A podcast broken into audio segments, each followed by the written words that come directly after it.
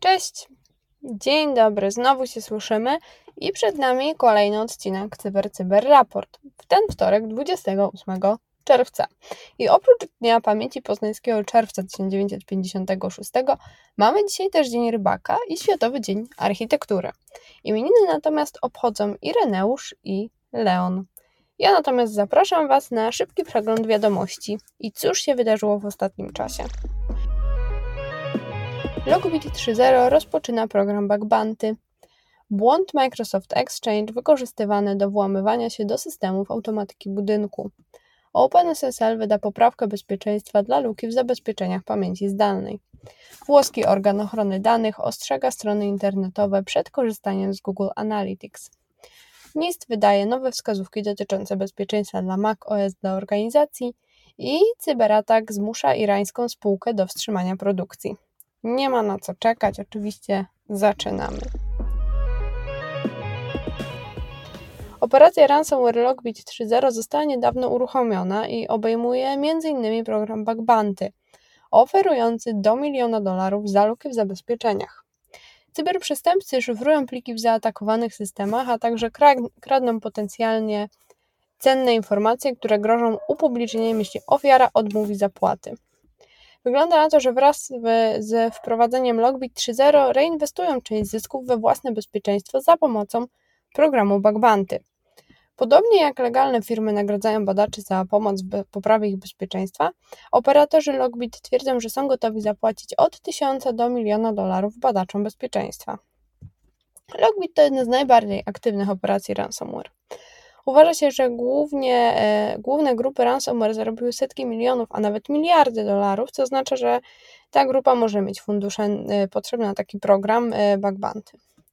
Jednak ten program jest nieco inny niż te powszechnie używane przez legalne firmy, ponieważ pomoc w przestępczym przedsięwzięciu byłaby nielegalna w wielu krajach. Grupa APT włamała się do systemów automatyki budynków używanych do sterowania funkcjami przeciwpożarowymi i bezpieczeństwa kilku azjatyckich organizacji, aby uzyskać dostęp do sieci za pomocą backdora. Dzięki temu dostali się do bardziej zabezpieczonych obszarów w ich sieciach. Grupa skupiła się na urządzeniach niezałatanych przeciwko CVE 2021-26855, czyli jednej z luk w Microsoft Exchange znanych pod wspólną nazwą Proxy Logon. Po włamaniu się do komputerów inżynieryjnych w systemie e, automatyki budynku celu, chińscy napastnicy mogą naruszyć e, inne części infrastruktury ofiary, w tym m.in. systemy bezpieczeństwa informacji. Napastnicy najprawdopodobniej polowali na poufne informacje, chociaż tak naprawdę ostateczny cel nie jest znany. Najnowsza wersja biblioteki OpenSSL została wykryta jako podatna na uszkodzenie pamięci zdalnej w wybranych systemach. OpenSSL 3.0.4 został wydany 21 czerwca w celu rozwiązania problemu wstrzykiwania poleceń, który nie został rozwiązany w jeszcze poprzedniej łatce. To wydanie jednak również wymaga poprawek. Luka może być wykorzystywana do uruchamiania na jednym z urządzeń dowolnego złośliwego kodu, ale nie ma pewności co do tego, czy błąd może zostać wykorzystany zdalnie. W każdym razie czekamy na kolejną wersję biblioteki. Podążając śladami Austrii i Francji, włoski Urząd Ochrony stwierdził, że korzystanie z Google Analytics jest niezgodne z przepisami Unii Europejskiej e, o ochronie danych. Korzystanie z popularnego narzędzia analitycznego przez lokalnego wydawcę internetowego jest e, niezgodne z unijnymi przepisami o ochronie danych, ponieważ dane użytkownika są przesyłane do USA, czyli kraju, który nie ma równoważnych, y, mm, równoważnych ram prawnych, które chroniłyby informacje przed dostępem amerykańskich szpiegów.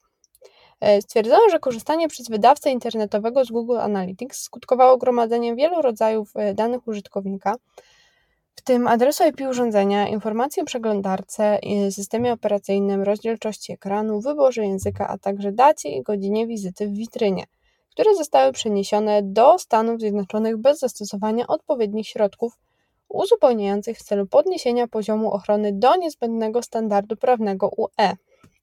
Włoski organ ochrony danych dał danemu y, wydawcy 90 dni na naprawienie naruszenia zgodności.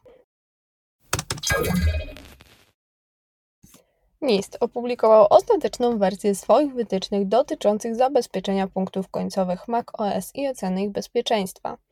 Wskazówki pochodzą z, projektem, z projektu macOS Security Compliance Project, projektu open source, którego celem jest stworzenie niestandardowych baz bezpieczeństwa, aby spełnić potrzeby różnych organizacji w zakresie cyberbezpieczeństwa.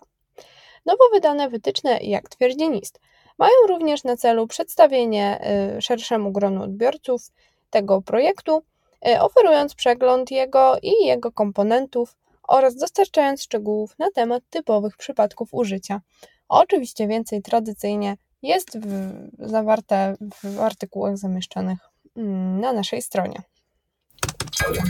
Działalność państwowych zakładów metalurgicznych w Iranie została zakłócona przez cyberataki. Grupa aktywistów twierdzi, że przeprowadziła cyberatak na trzy irańskie zakłady z branży metalurgicznej i przejęła kontrolę nad systemami w trzech przedsiębiorstwach państwowych. Jedna z firm potwierdziła w poniedziałek rano, że zamknęła swoją fabrykę do odwołania z powodu problemów technicznych spowodowanych cyberincydentem. Na udostępnionym przez, grupie, przez grupę aktywistów filmie widać rzekomo wnętrze jednego z zakładów, gdzie dochodzi do awarii urządzenia przemysłowego, co w efekcie prowadzi do pożaru. Nie potwierdzono wciąż jednak autentyczności tego filmu. E, działania wymierzone w e, irański przemysł metalurgiczny potwierdzają lokalne media, które powołują się na stanowisko Narodowego Centrum Cyberprzestrzeni.